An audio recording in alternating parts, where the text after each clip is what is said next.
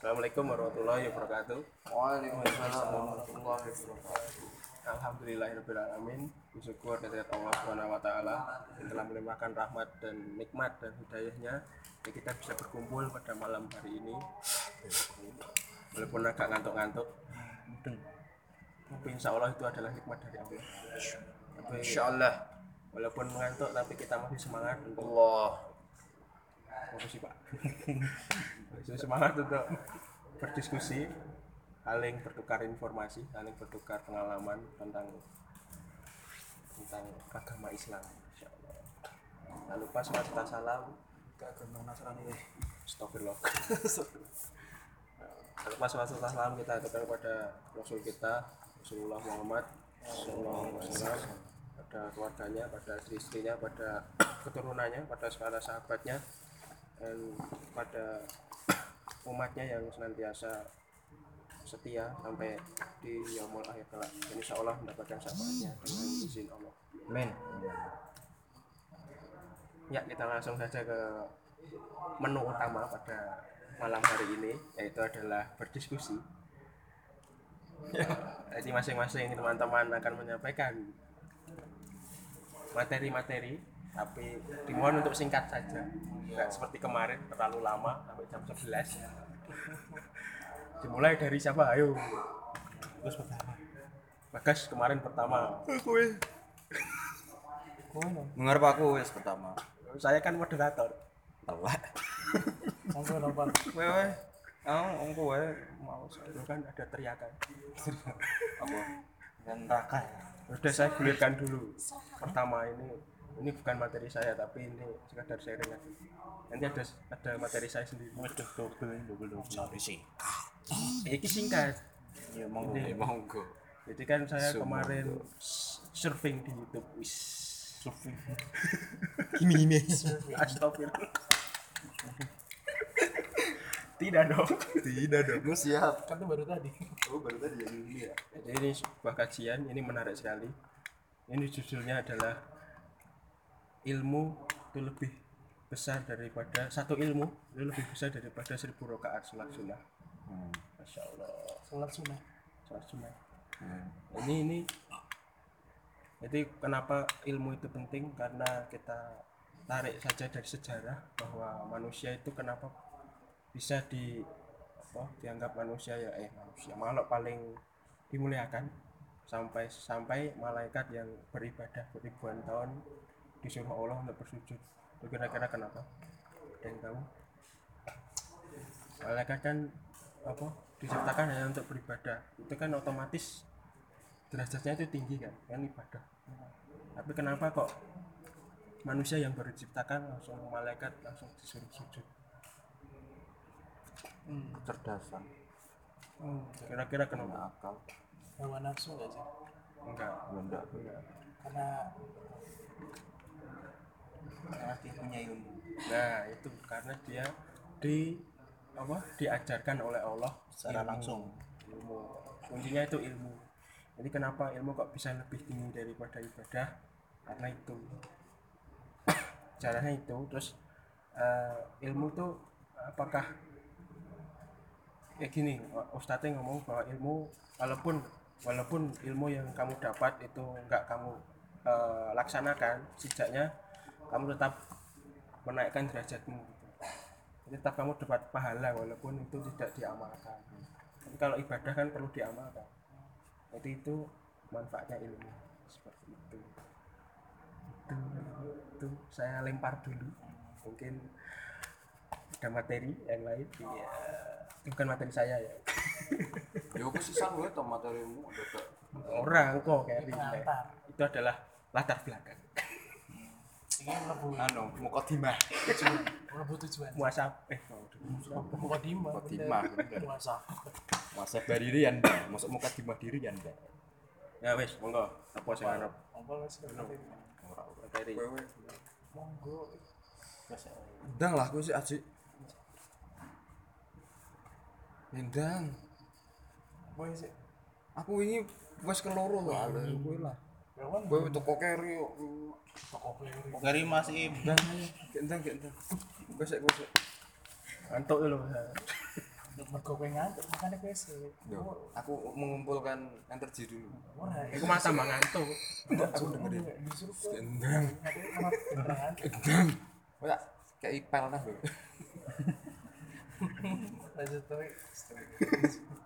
mau ya Oh, lanjut tuh. Gendang gendang gendang gendang gendang gendang. Lembu iki apa? Monggo. Semoga. Asam songo. Lanjut aku sih.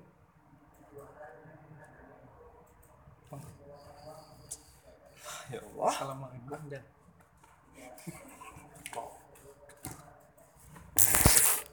Udah iki anu to, direkam. gak usah digeser-geser sini gini wae ini tunggu Allah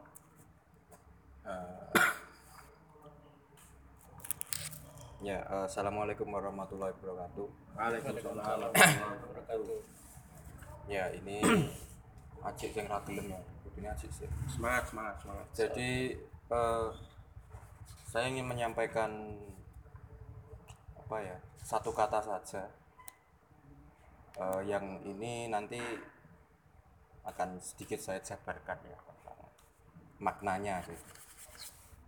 Eh, ini satu kata ini merupakan intinya merupakan sebuah kewajiban kita sebagai seorang manusia eh, dalam berkonsekuensi untuk memeluk agama Islam ini ya. Yang salah satunya adalah ilmu sama seperti Kevin tadi atau yang bisa yang apa namanya? Pengantar tuh berguna. Yang biasa disebut dengan eh, dalam bahasa Arab itu ilmu itu dikatakan Waalaikumsalam. Dia katakan sebagai al al ilm. Al ilm ilm. Coba sebutkan. Ilm. ilm. Main ilm Island. ini podcast apa? Jadi al ilm ya. Jadi ilmu dalam bahasa Arab. Nah. Jadi eh ya ini tak kelempar tak lempar ke kalian dulu. Lempar-lempar. Menurut kalian eh, menurut kalian selama di pikiran kalian ini ilmu yang paling tinggi itu ilmu apa sih sebenarnya? Nggak berpikir akal sehat. Ilmu agama. Hmm? Dari ilmu dari semua ilmu yang kalian ketahui itu ilmu yang paling tinggi apa? Ilmu agama. menurut kalian ilmu yang paling tinggi menurut kalian pribadi aja satu-satu. Tauhid. Selain itu? Ilmu agama. Ya ilmu agama paling tinggi. syar'i. Ilmu syar'i.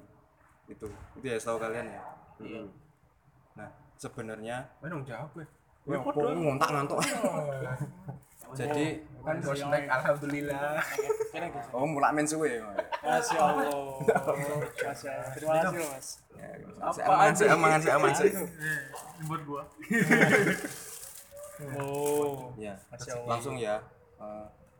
Eh, selamat bergabung. besok berarti anu Semangat. digilir. Gila gila gila. Ya, terus terus terus. Nah jadi Gua sambil makan mau ya. enggak apa-apa kan santai jadi hakikat hakikat dari ilmu dari semua yang kita ketahui yang ada di pikiran kita. Jadi eh, ilmu yang paling tinggi di sini itu adalah ilmu ma'rifatullah. Us masya allah ma'rifatullah. Apa itu ma'rifat? Ada yang tahu nggak ilmu ma'rifatullah itu ilmu apa? Syekh narnya Allah.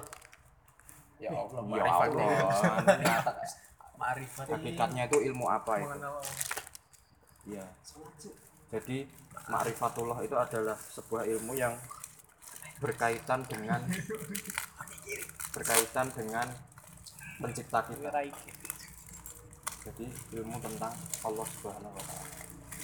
Ilmu yang mempelajari tentang zat Allah Subhanahu wa taala. Termasuk tahu ya? Tauhid itu iya, cuma dia lebih ke pemurnian ibadah kita sih. Kepercayaan kita dan ibadah. Iya, Itu jadi ilmu ma'rifatullah itu eh, ilmu yang tingkatan tertinggi. Dan eh, kita kayak misal ya kayak di dunia ini kan kita membanggakan wah ada ilmu kedokteran ada ilmu teknik dan ilmu sebagainya dan itu merupakan eh, ilmu-ilmu yang biasa kita banggakan kan maksudnya wah kalau kita lihat kedokteran itu kan ilmunya sangat wah sekali gitu. Apa- apalagi teknik. Dan ya seputar itulah. Nah ternyata di balik itu semua kita salah bahwa ada yang lebih tinggi dari ilmu kedokteran ada yang lebih tinggi dari ilmu ilmu apa namanya ilmu teknik. Ibu biologi. Ya ilmu biologi. Itu itu semua semua hanya hanya sebatas ilmu yang duniawi ya ilmu duniawi lah termasuk. Maksudnya ilmu yang gimana ya istilahnya? Tidak bukan tidak berguna ya cuma derajatnya lebih derajatnya lebih ah, rendah. derajatnya lebih rendah. Yang harus kita pahami sebenarnya itu adalah ilmu tentang zatnya Allah Subhanahu wa taala. Itu harus kita pahami terlebih dahulu. karena dari kita memahami Allah Subhanahu wa taala zatnya Allah Subhanahu wa taala itu eh, muaranya kita akan gimana? Kita akan beribadah dengan benar. Kita beribadah dengan eh, sesuai dengan syariat-syariat yang telah diajarkan oleh Rasulullah SAW itu nah. Nah, jadi tujuan apa sih tujuan kita itu mempelajari ilmunya Allah Subhanahu wa taala atau yang disebut dengan ma'rifatullah? Yang pertama, ada yang tahu nggak? Apa?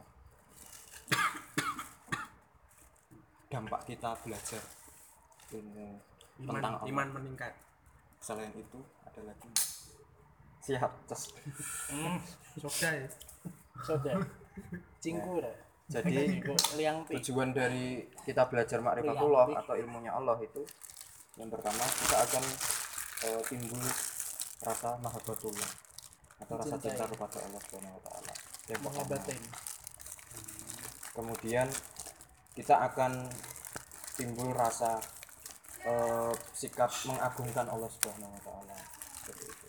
Timbul rasa takut kepada Allah Subhanahu wa taala dan terutama tawakal kepada Allah Subhanahu wa taala.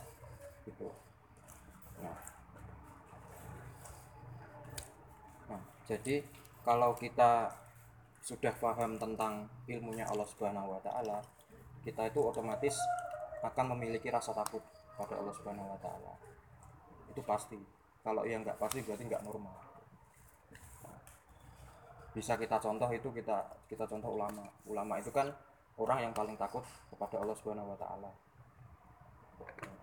Dan eh, ulama itu kan dia yang memahami benar-benar memahami ilmunya Allah Subhanahu wa taala dan dia takut kepada Allah Subhanahu wa taala akibat dari dia memahami ilmu tersebut. Nah, eh, pernahkah kita sadar gitu bahwa tawakal kita itu sering menurun gitu? Pernahkah kita sadar? Hmm. Karena apa? Tawakal Pak Iman.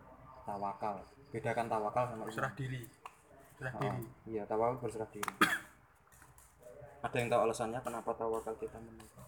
Ya karena imannya terganggu. Selain itu, terlalu bergantung pada manusia Iya, itu. Yang paling utama itu. Jadi kita terlalu sering bergantung kepada manusia. Itu.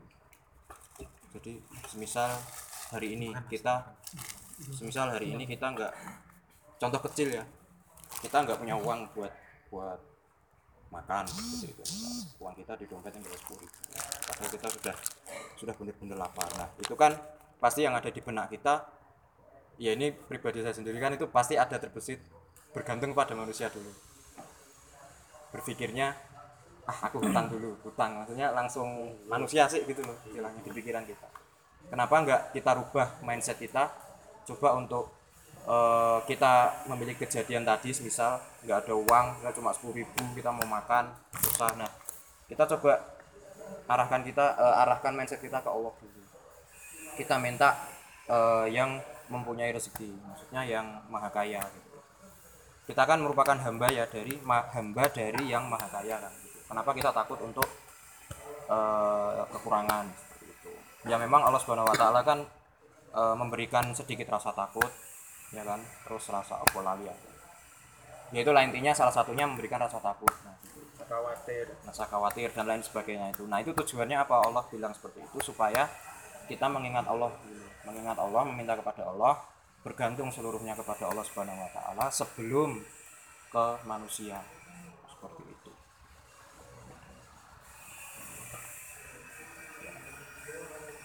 Nah, tawakal itu juga merupakan salah satu amalan hati. Nah, yang di sini sebenarnya hati kita itu eh, seperti diuji ya seperti gitu ya. Jadi kalau misal kita kena musibah tadi ya, eh, tentang terbesit apa terhambat keuangan dan lain sebagainya, itu kan hati kita diuji. Apakah hati kita itu terpaut kepada Allah Subhanahu wa taala atau terpaut kepada manusia?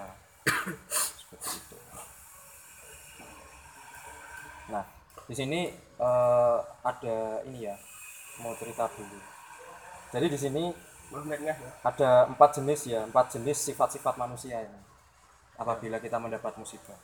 Jadi yang pertama itu ada sifat manusia yang benci, dua sabar, yang ketiga ridho, dan yang paling tinggi derajatnya itu adalah orang yang bersyukur. kamu dalam menghadapi? Musibah. gitu ya jadi benci kalau manusia yang memiliki sifat benci itu kalau Allah memberikan musibah itu pasti hatinya hatinya tidak akan senang gitu. Hatinya akan selalu melawan. Dengan musibah-musibah yang didatangkan oleh Allah Subhanahu wa taala. Buktinya apa? Dengan perbuatan dengan ucapan-ucapan yang jelek seperti itu. Menyalahkan menyalahkan takdir Allah yang sudah digariskan seperti itu.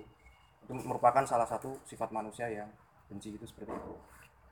Kemudian tingkatan kedua adalah sabar. Sabar itu memiliki eh, menahan rasa tidak suka. Hatinya itu melawan gitu sebenarnya. Cuma dia berusaha untuk menahan diri dengan eh, tidak melampaui batas baik dari perbuatan maupun ucapannya. Tadi kalau benci kan benar-benar lepas itu kan. Tapi kalau sabar itu dia menahan dirinya sendiri dengan tidak melakukan perbuatan-perbuatan yang itu dilarang oleh Allah Subhanahu wa taala. Itu makna dari sabar itu gitu.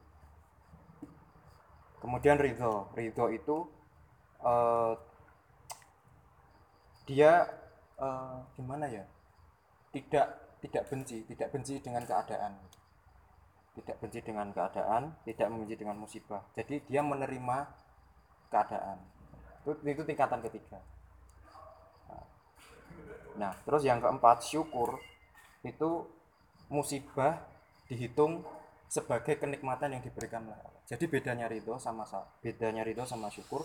Kalau syukur itu Allah memberikan musibah, tapi orang itu menganggap itu sebagai nikmat. Gitu.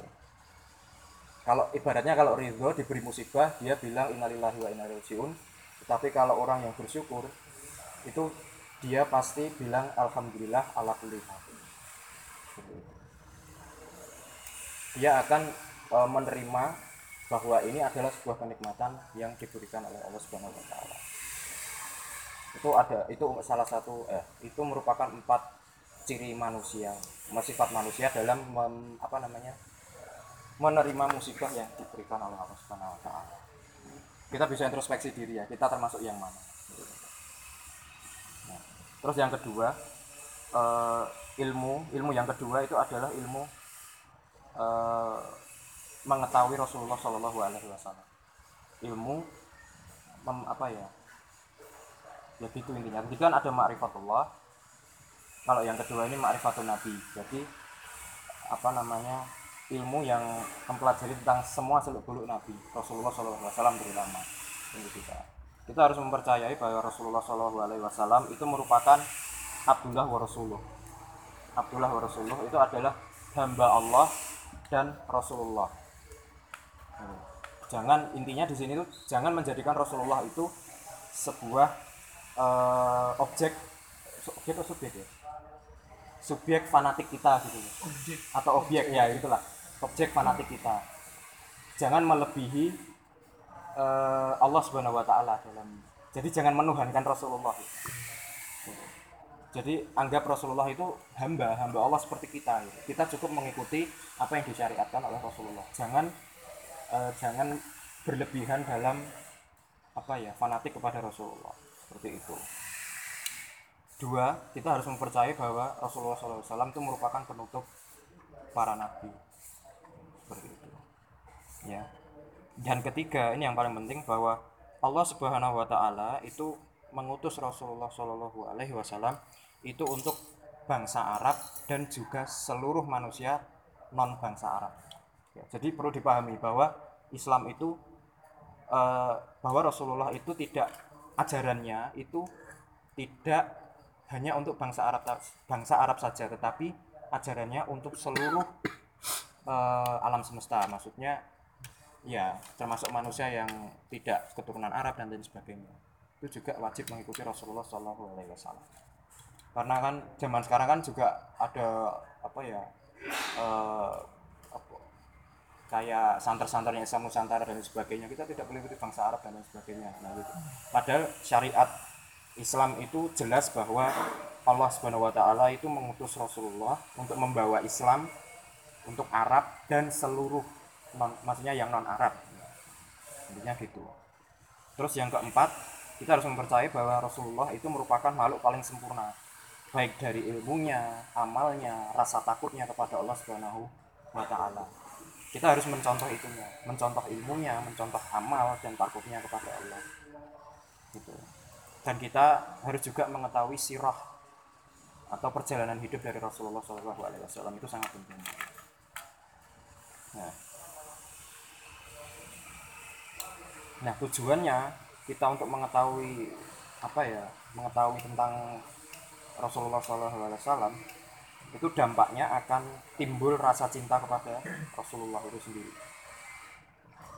Baik rasa cinta Rasulullah sendiri itu kita harus mencintai bagaimana Rasulullah itu berakidah. Itu yang penting. Kedua bagaimana Rasulullah itu beribadah. Dan yang ketiga bagaimana Rasulullah itu berakhlak. Nah kekurangan kita di sini adalah yang menjadi apa ya intinya menjadi kekurangan manusia sekarang ini adalah akhlaknya gitu.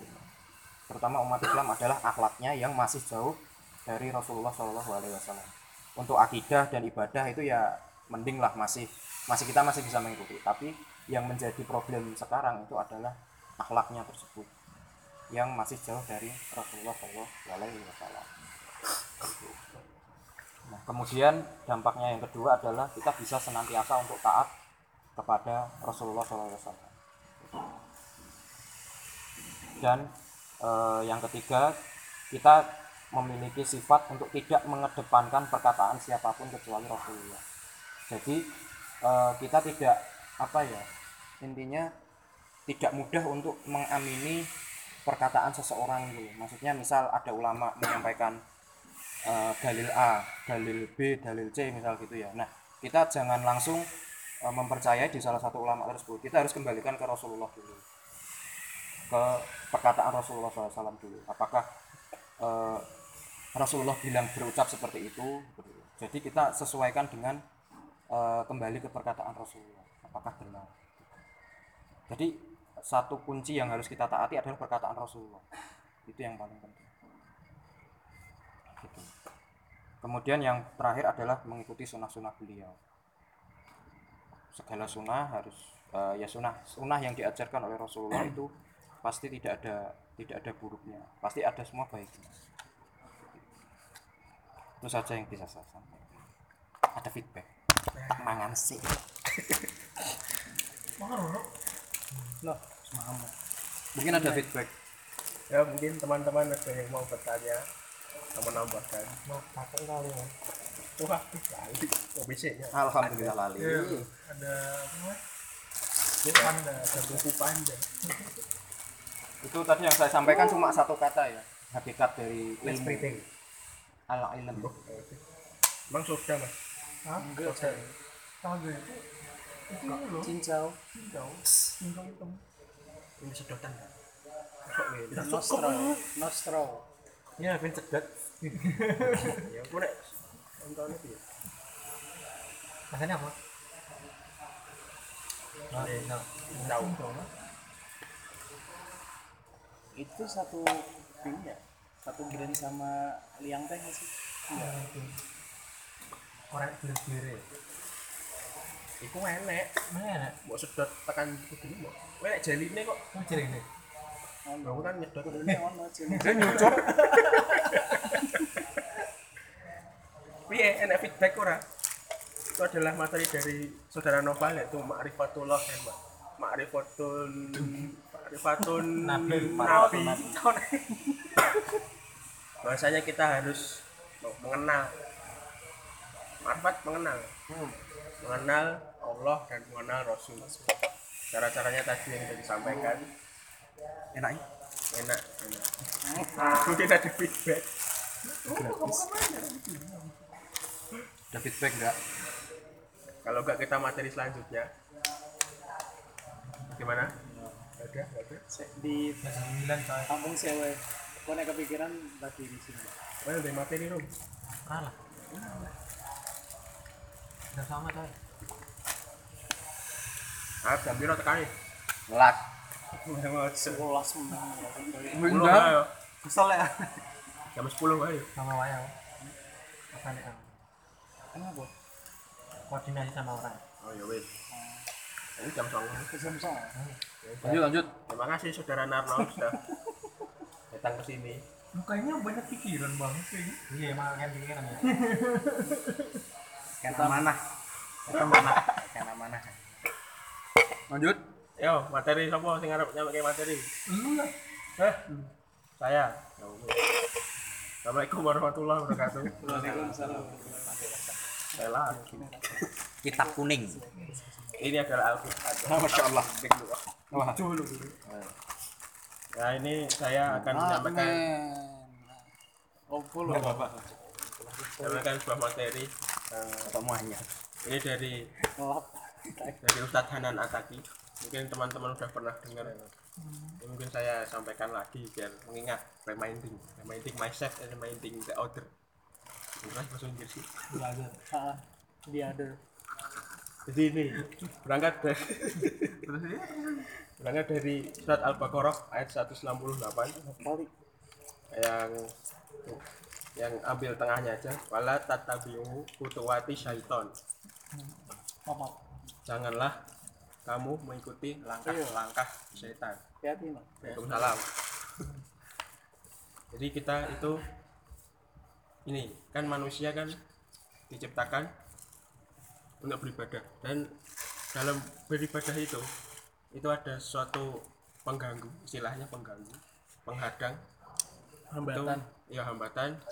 Diciptakan oleh Allah yang bernama syaitan ini kenapa berangkat dari jangan janganlah kamu mengikuti langkah-langkah setan itu ambil intisarinya adalah kita tetap harus waspada. Karena setan itu setan Eh, dulu ya. Sorry sorry. Setan, no. jadi setan itu akan menyesatkanmu sampai eh, eh, akhir hayat. Jadi kita eh, rival rival abadi wis Everlasting. Heeh. Eh, langkah-langkah setan Eh, ini ini kenapa terjemahnya adalah langkah-langkah setan karena eh, setan itu menggoda bukan hanya sekali itu setan akan menggoda kita berkali-kali seumur hidup seumur hidup sampai kita Mati. sakaratul maut pun pas setan. tetap digoda oleh setan jadi setan itu langkah-langkah setan itu bukan cuma negatif doang ternyata dari penjelasan dari Ustadz karena itu kita itu seolah-olah seolah-olah ini tiba dari eh, diputar-putar di kanan dulu dipositifkan dulu. Tapi kok akhirnya berbeloknya ke kiri. Pernah nggak sih mengalami seperti itu? Pernah sering. Ini pakai setan. beliau oh mencontohkan tempelan ya Bo? lalu mencontohkan uh, dari uh, chatting. Gitu kan? Ya kan chatting sama anu kan Kenyang banget. masuk angin kamu ngalih dulu dulu kanan saya baru kiri. Nah nih. Dia- dia berbohong. Ya. Ini kan aduh guys remaja. Wis ada umumnya tidak tergoda dengan antara aku kau kau iya. Silap bisa dengan para akhwat dengan para wanita. Tapi aku emang ayu. Setan kan ini tenan. eh, pernah nggak sih kita tiba-tiba dapat chat dari seorang ukti enggak pernah aku. Dari teman-teman Oh, pernah. perempuan Oh. kita. pernah kan satu awalnya itu hanya biasa saja. Oh misalnya pin besok jadwalnya apa? Itu doang kan. Terus misalnya nopal. Jalur tugas. oh Jurnal. papin dong. Gitu. Papin dong. pertamanya gitu. Ngomong gue dong. Ini kan positif kan? Nggak ada negatif negatifnya iya kan? Iya kan? Iya. Kan?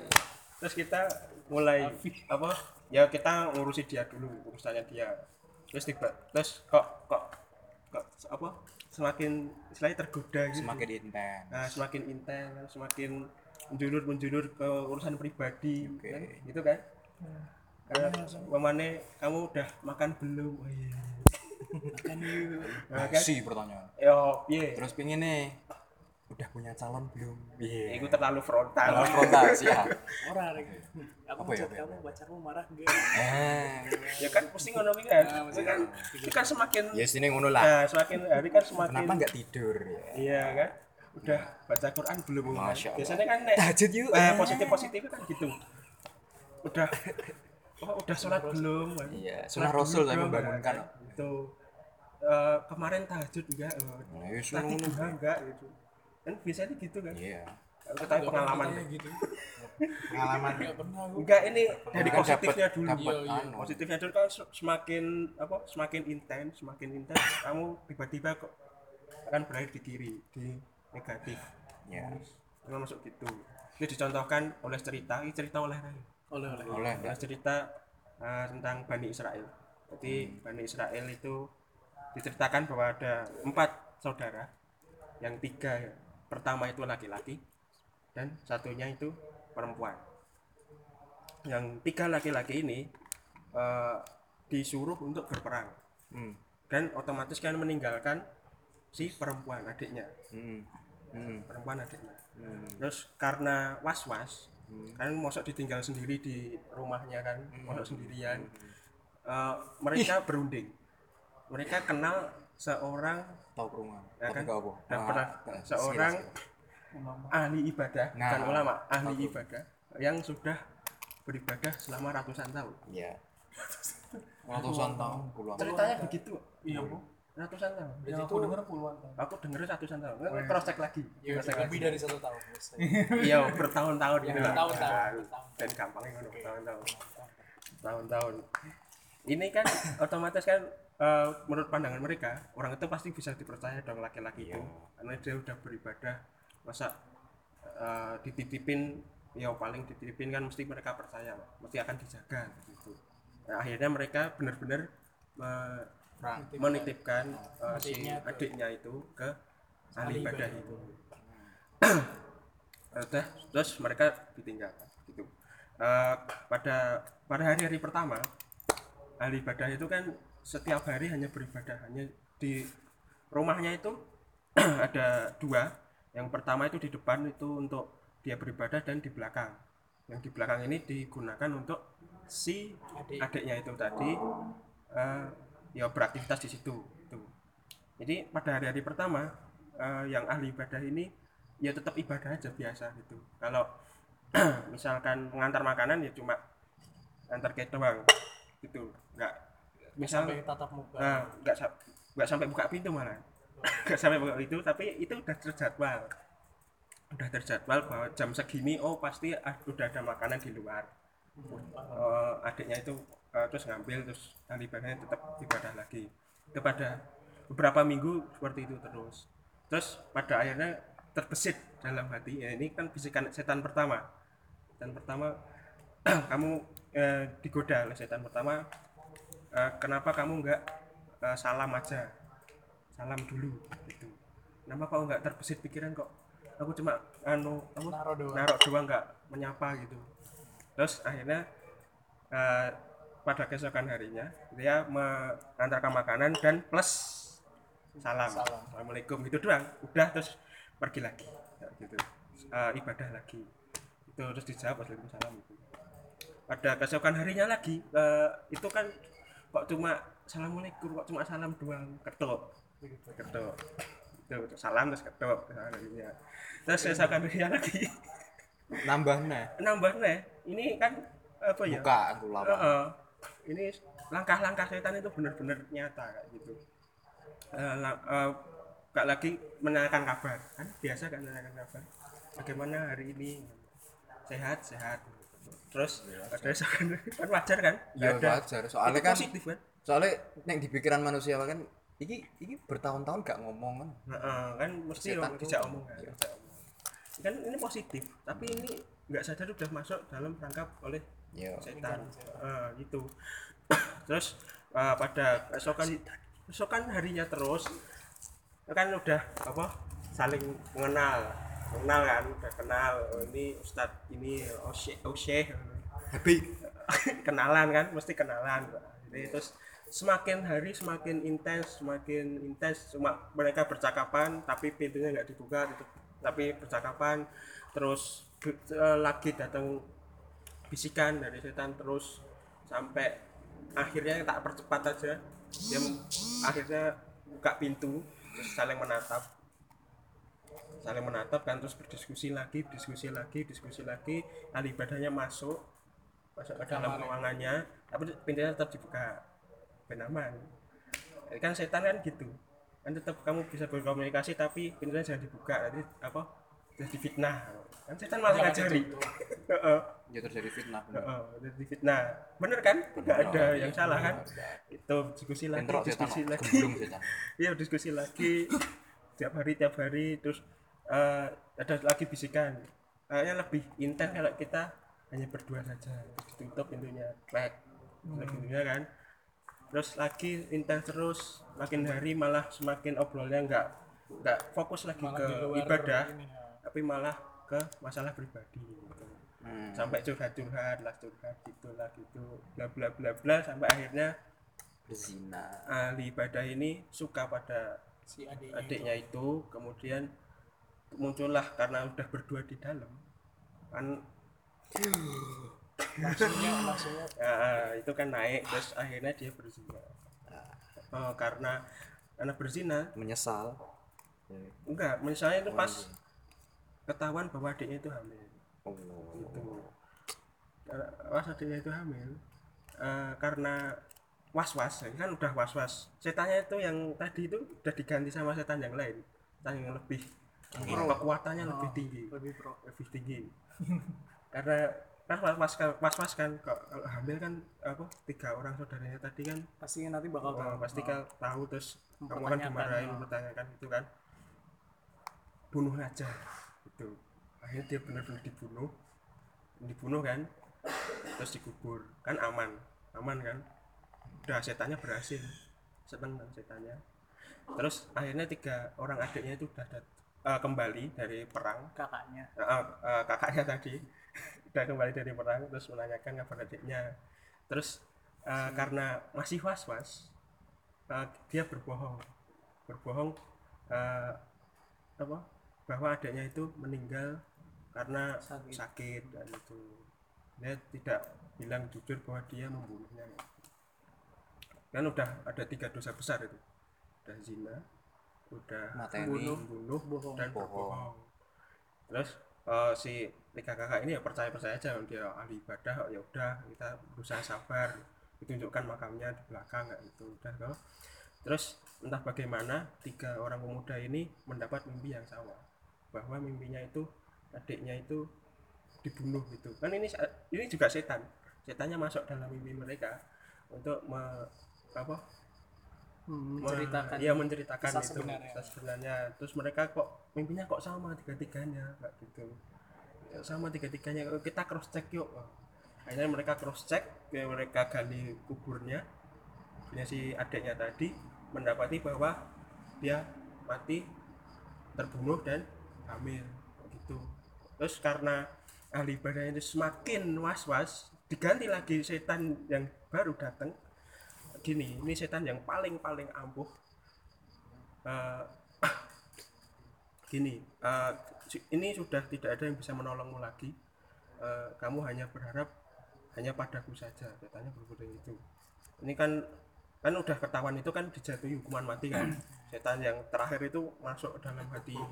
Nah iya ini kan gunung. Ini re- re- reminder aja. Setannya itu ngomong gitu kalau sudah tidak ada harapan lagi harapanmu hanya aku.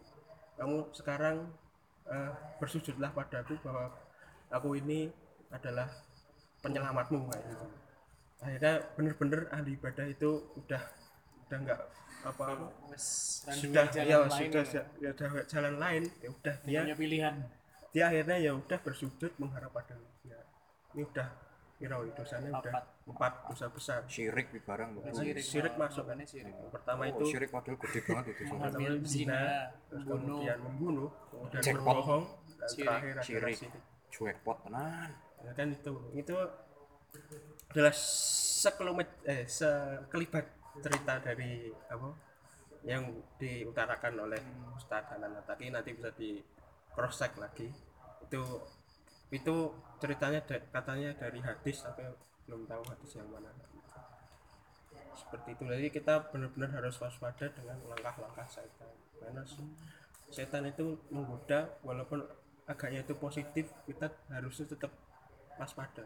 Seperti itu. Walaupun ya nggak tahu sih.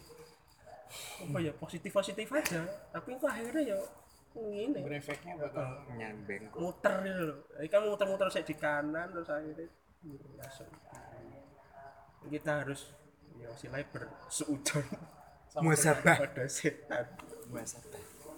Mungkin itu materi saya. Yeay. ada feedback? Itu aku mungkin sih kok feedback kok enggak aku aku menanggapi fit. mungkin mungkin kalau aku menanggapi apa nambahin aja bahwa bahwa segala amal kita itu kan pasti ditentukan di akhir kan. Di akhir. Kita kan nggak tahu nanti kapan kita eh maksudnya kan kita nanti nggak tahu ke depan kita bakal gimana kan. apakah kita nanti pada saat mau sakaratul maut itu kita tetap di atas Islam atau tidak itu kan pasti kita tidak akan tahu. Karena siapa tahu sih siapa yang tahu tuh maksudnya hati kita kan rapuh maksudnya hati kita hati kita ada di genggamannya kan Eh, bahwa hati itu kita mudah bolak balik seperti itu. Makanya kita sebagai seorang muslim sepatutnya untuk selalu waspada Eh, bener yang dikatakan Kevin waspada tentang apa ya ujian ujian godaan-godaan syaitan. Karena syaitan itu memang seperti itu sudah bersumpah di hadapan Allah Subhanahu wa taala bahwa dia akan eh, terus menjerumuskan manusia sampai mati. Ya sebisa mungkin kita terus untuk bertaubat bahwa bahwa Allah Subhanahu wa taala itu lebih menyukai eh, hambanya yang terus selalu bertaubat. Karena gimana? Istilahnya Allah lebih mencintai daripada orang yang tidak pernah untuk bertaubat. Tidak pernah menyadari kesalahannya dosa-dosanya terus dan dia eh, merasa merasa paling suci merasa paling itu, merupakan sesuatu yang sangat dibenci oleh Allah seharusnya kita terus bertaubat kepada Allah tidak Weh, Next materi ya, ya, takut ya. ngambang mau sih aku Eh, eh gak sih sing enggak gini aku ceritanya mau dulu. Sing pas ketiga kakaknya paham kalau adanya dibunuh sama ahli ibadah itu dan dibunuh dalam keadaan hamil. Ini apa ya? Akhirnya kebukti atau enggak maksudnya? Apa dia hanya sekedar menuduh atau enggak? Hah? Ke ahli ibadahnya itu dia sekedar bilang doang atau emang memang dibuktikan di kuburan Memang itu? dibuktikan. Oh di kuburan akhirnya dibongkar. karena mereka kan dapat mimpi dapat mimpinya gak sama kenapa kita nggak buktikan ragu aja? gitu Oh, kan kan akhirnya ragu. kuburannya dibongkar. jadi ceritanya gue seperti ngomong itu kuis, soalnya kok tiba-tiba si ahli ibadahnya langsung beralih oh iya oleh setan yang lain gitu. lewatan gue emang, oh iya, berarti bener-bener dibongkar kuburan. Mau mimpinya saka setan ceritanya ngono oh berarti jadi setan itu masuk ke dalam mimpi se- berarti setan yang Se- setan apa ya Iya apa? ya kan setan gitu. Pikirannya itu walau eh, apa enak ceritanya bahwa setan itu apa, membantu malah eh, membantu orang buta untuk ke masjid malah. Bukan pernah pernah ceritanya deh Tahu. Oh. kan, kan setannya malah apa kan ada kok emang jin jin muslim jin ini bukan setan. Setan setan. Kayak jin kan ibrit kan nggak tahu. Setan. aku malah mau cross check cerita jadi setan yang setan yang menghasut si ahli ibadah itu buat ngebunuh itu sama dengan eh setan itu masih sama sama yang Enggak. setan masuk ke dalam Udah beda. beda. Udah beda. Hmm. Dan itu ada tingkat tingkatannya ternyata level iya oh, nah itu aku tahu. Oh. emang ada kok setan tuh levelnya. iya. Eh, pasukan-pasukan itu paling rendah tau gak sih? Kan pertama kali Nabi Adam turun ke bumi. Maka setan langsung apa kayak jangan sembah Allah jangan sembah Allah. Soalnya kan Nabi Adam kan ya orang yang experience paling langsung di surga gitu kan. Itu pasti lah nggak nggak akan langsung ter apa namanya tergoda kan. Nah kesesatan pertama itu kan pas Nabi Nuh. Itu udah beratus-ratus tahun lamanya dan itu apa ya dari Nabi Adam ke Nabi Nuh itu cara setan tuh gini. Yang aku tahu ya aku tahu. Eh, pertama Nabi Adam itu yang anaknya. Habil anaknya kan anaknya. Nah itu kan perasaan jealous. Jealous jealous jealous pertama. Habis yang kedua pas pas di bawahnya Nabi Adam tuh ada namanya Nabi Syed Namanya Nabi Syed itu dia zaman itu manusia digoda dengan musik. Musik. Jadi setan itu ngebuat angin berhembus lewat apa namanya? Kuningan nggak lewat. lubang-lubang atau apa? Iya lubang-lubang itu kan ngeluarin angin. dan itu bunyi-bunyinya. nah di situ mulai adanya eh, adu apa musik-musik atau kayak you know lah yang biar hati tenang selain ya selain ingat. Dan nah di situ juga setan bilang kayak gini kamu itu ini kamu itu harus berterima kasih pada ulamamu jadi buatlah Iya, foto. iya. apa namanya? Fo- foto lah pokoknya buatlah kayak kayak kenangan. Oh iya, iya ya, musik. iya yang biar biar kau ingat terhadap orang itu. Lewat musik itu. setan tuh bilang kau langsung ke Allah. Maksudnya maksud kau tuh tahu tahu Tuhan karena dia. Jadi kau harus berterima kasih ke dia. Jadi harus bikin kayak patung atau apa yang mengingatkan kamu tentang itu agar kau bisa lebih dekat lagi ke Allah. Lama-lama kel- kelamaan generasi-generasi selanjutnya Ada. kau kau ini sujud. Setan tuh bilang kau ini harus sujud karena seperti bapak-bapakmu gitu iya. Yang pertama kan cuma buat ingat yang kedua yang yang kedua itu kayak biar ingat doang yang kedua itu ini kalau nggak salah dia tuh ini mengagungkan. Nah misalnya kita punya ulama gede nih kan udah meninggal nih kita setiap hari ziarah tapi mengagungkan dia gitu kan terus minta bantuan dari yang itu gitu kan. Nah itu itu sebenarnya godaan-godaan setan yang ya itu syirik lah maksudnya kita ini. Nah akhirnya pada zaman Nabi Nuh setan bilang sujud karena eh, orang tuamu melakukan itu gitu. Makanya setiap orang kafir setiap orang yang syirik itu kan bilang apakah kau ingin mengubah apa yang nenek moyang kami ajarkan? Ya kan? Padahal mereka nggak tahu kalau misalnya nenek moyangnya itu ya pasti dihasut-hasut gitu kan. Itu, itu cara setan tuh kayak setan tuh nggak ini nggak penting apa yang kita sembah mau itu roti mau itu batu mau itu bulan mau itu itu. Nggak penting yang penting kita nggak sembah. Oh. Iya. secara tujuannya kan itu sih ya tujuannya ke situ. Jangan kan awalnya bagus tuh ya kan? Ingat ulama itu kan kayak Itu kan positif ya positif. Kan ujung-ujungnya ya kita tunduk juga. Lah. Semua yang tapi kayak pinter setannya membungkus menjadi positif jadi semakin ya semakin tahu ya semakin ibaratnya kayak semakin update gitu gak sih kata-kata? Gimana sih kayak yang dibisikkan ke orang yang terdahulu sama yang yang sekarang yang merasakan kan beda kan? Berubah. Selalu kayak diputar balikan lagi diputar Setan balikan ya lagi update ya kayak update setan ya update terus ya, update lagi kayak kayak Microsoftmu kayak orang dahulu dikasih ini gini kayak gini. Bener baik sih cuma dikasih dikasih selanjutnya kayak bener disuruh proses yang sama mungkin tapi tujuannya udah beda gitu. Ya proyeksinya mereka untuk ini tapi yang anak-anaknya buat yang lain. Akhirnya malah kesannya ya itu sih kan next materi? Ya enggak tapi kok kan mungkin apa? Enggak sih. Kayak aku curiga aja kayak sistem sistem apa penyampaian wali songo gitu. Ke Nah, aku tahu. masyarakat Sanggul Oh, itu, itu aku- juga. Aku, aku masuk ya. dan aku aku langsung nyambung ke situ mas soalnya mikir Oh, Wali Songo itu gimana ya? Sistem wali songo itu sebenarnya gini. Kayak materi sisanya materi sama Kalian aja. oh. ini wali songo itu enggak full ngajarin Islam. Aku nggak tahu kalau itu full atau enggak. Full.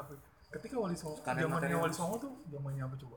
Kerajaan kerajaan kan? Iya penjajahan jadi ketika wali songo jadi orang pertama- kerajaan. Sih kerajaan deh mas itu demak Monarki ya sih, masih pas monarki. Indonesia masih monarki. itu udah ada ini. Oh iya deh Udah ada penjajah. yo VOC ha bener. Ya kan? Iya kan? ya. Demak kan? Demak Islam gitu demak kan harus masuk penjajahan Mei awal 1400 Se- eh, Pokoknya ya udah, zaman-zaman perdagangan. Cerita dulu, Mas ini cerita Mas. Nanti maksudnya penjajah di sini tuh bukan perang tek-tek gitu Iya, ya maksudnya. ya wali songo tau kok misalnya mau lama kelamaan bakal dihabisin di Indonesia gitu. Soalnya iya maksudnya wali songo itu bagus akulturasi. Bagus ya bagus bagus. Bagus akulturasi. Itu cara ngedapetin hati orang paling cepet. Hmm. Nabi Muhammad juga dulu pernah kayak gitu. Jadi waktu di Madinah itu kan ada Yahudi. Nabi Muhammad tuh pernah sebulan atau berapa minggu gitu dia pakai baju Yahudi berpakaian wow, Yahudi untuk kayak ayo dong Yahudi masuk Islam gitu Mendapat hatinya. nah, mendapat hatinya. Tapi di akhirnya enggak gitu maksudnya ujung-ujungnya tuh udah ngelakuin itu tapi kagak kagak kagak juga Nggak ngaruh. nggak ngaruh gitu kan nah nah Wali Songo juga ngelakuin itu akulturasi ya mungkin dia nggak nggak langsung menyetop gitu. Yang penting apa namanya akidahnya dulu gitu. Kan akidahnya dulu kesannya ini tetapi di dalam, dalam perjalanannya itu ada penjajah masuk sebelum Wali Songo itu menyetop semuanya. Itu udah udah nggak bisa dilanjutin gitu ya toh kata kata sunan apa gitu kalau nggak salah aku lupa. Biarkan ini dikoreksi. Generasi generasi setelahnya setelahku gitu. Maksudnya ya emang pasti ada di situ wali songo juga pasti ada yang ngerasa oh ini ada yang salah nih maksudnya. Ya pasti ya kan? ya pastilah ada lah kalau primbon Islam atau apa itu kan ada yang salah gitu kan. Nah itu ya itu jadi emang ajaran wali songo tuh menurutku menurutku ya itu belum full di, disampaikan. Mungkin maksudnya dia masih memperbolehkan kayak budaya Indonesia sih nggak apa-apa ya kan? Tapi budaya-budaya syirik dari ini ya misalkan apa ya? Apa sih gua dengan ya contohnya kayak mengagungkan orang-orang soleh. Nah itu misalnya lu ziarah nih. Oh ziarah. Ya kalau ziarah kan apa alhamdulillah kalau misalnya kita ziarah kita berterima kasih. Mengenang. alhamdulillah anda telah menyebarkan Islam di Indonesia. Kan itu nggak apa-apa ya, nggak langsung bersyukur kalau misalnya kita tahu Islam dari dia gitu kan. Tapi kalau tapi kalau misalnya kita doa untuk kita sendiri di depan ziarah itu nggak ada nggak ada. Ada tuntunannya bukan nggak ada temennya nggak ada ininya. Nggak ada apa namanya? Apa? Apa nggak ada benefitnya gitu nggak ada. Oh heeh. Kont- nggak ada untungnya. nggak ada untungnya gitu. Itu juga Nggak nggak berpengaruh apa kalau kita minta doa ke ulama masih hidup itu di, malah di apa namanya diajarkan ya? Nah, diajarkan. Itu kurang tahu. Kalau tahu ya? Kurang- salah aku nggak tahu jadi nyari doa itu dari ulama. Misalnya kau tahu dia orang beriman, beriman banget atau ulama gitu ya? Kau minta doa ke dia. Soalnya tahu kalau misalnya doanya dia insya Allah langsung didengar Allah gitu. Daripada kita yang punya dosa gitu. ya kalau dia hidup itu nggak apa-apa. Ya nggak. Kelihatannya nggak apa deh. Nggak apa-apa. Soalnya maksudnya kita minta maksudnya doa. kita kita Minta minta doa. Allah minta didoakan. didoakan gitu. Bukan kita minta doa. Zaman Nabi melalui juga ada dia. gitu. Nah. Rasulullah minta doakan. Iya Rasulullah minta doakan aku ini nah, gitu. gitu. Oh iya gitu kan. Nah tapi kalau misalnya dia udah orang mati ya oh, nah itu yang salah. udah, nah udah yang salah orang matinya. Ya orang-orang mati nih jangan salah. kita ya minta ke orang mati. Oh, mati kan harus putus segala. Oh, itu Amalan jadi kadang orang Indonesia terlalu mengagungkan orang. Oh,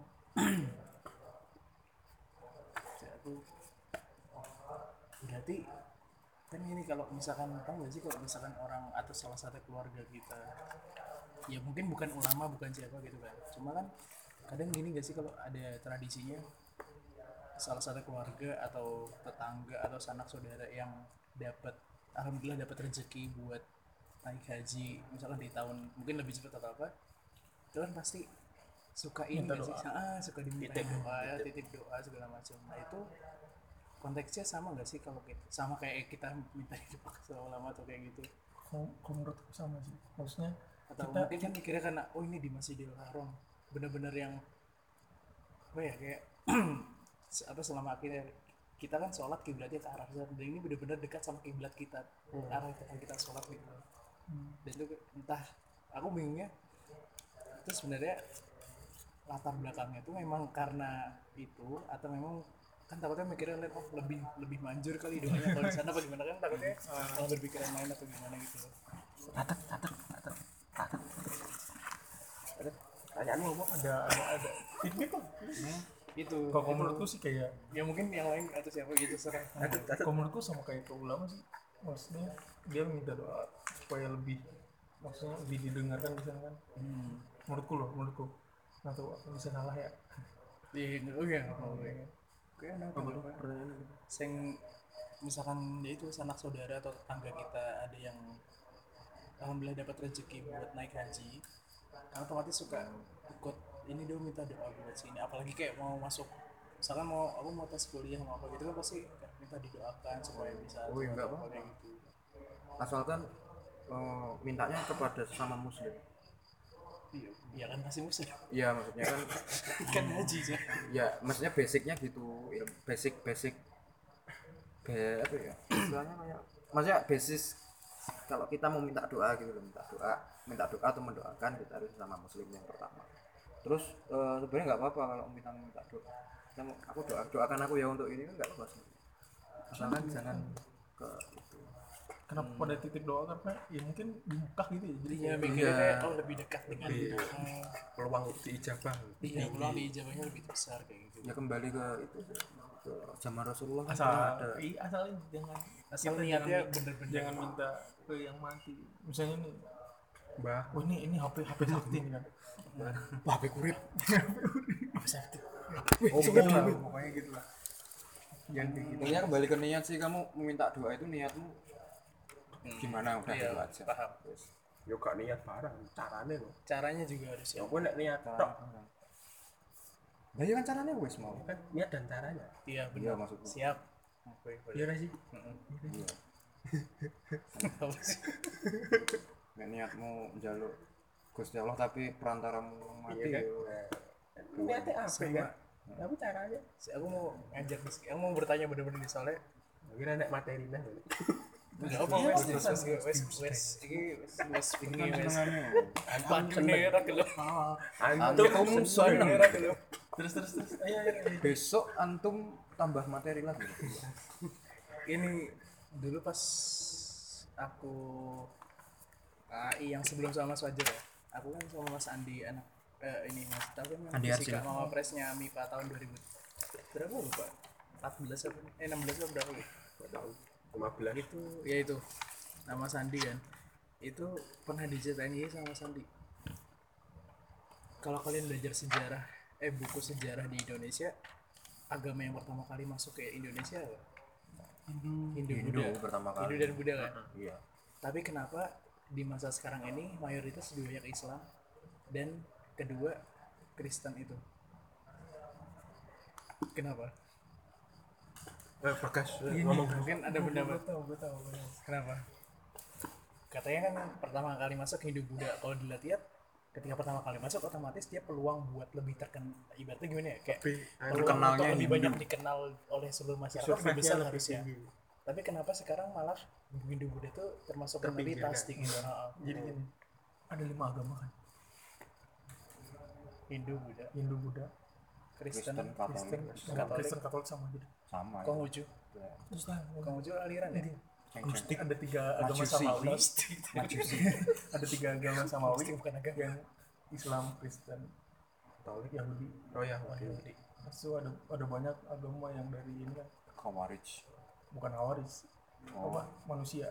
Pemikiran. manusia. Pemikiran manusia. manusia. akal sehat. Islam Kristen itu dia tipenya misionaris. Islam apa? Islam Kristen. Misionaris. Kalau Yahudi itu dia tipenya kayak ini bangsa gue gitu. Iya paham. ya kan? Nah Ya udah gue gue sendiri gitu. Buddha juga kayak gitu misionaris. Hindu itu dia lebih ke kalangan atas. Jadi kasta.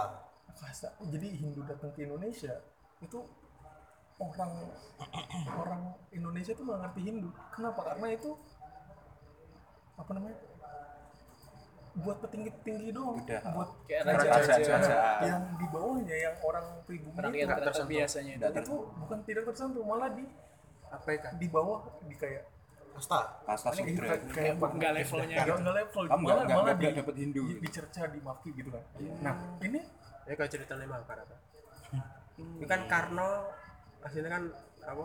Anak raja. Tapi kan dia Besarkan. Dibesarkan oleh kasta kaum biasa-biasa saja sudra berarti sudra dulu. ini nggak tersentuh anu, nggak tersentuh. Kan dia mau kembali ke kerajaan masih bully. Ah, ini maksudnya maksudnya Karena. di sini Oh, kenapa pada ke pada nggak tahu Hindu atau itu? Karena coba ketika agama membawa kekerasan ditolak mentah-mentah.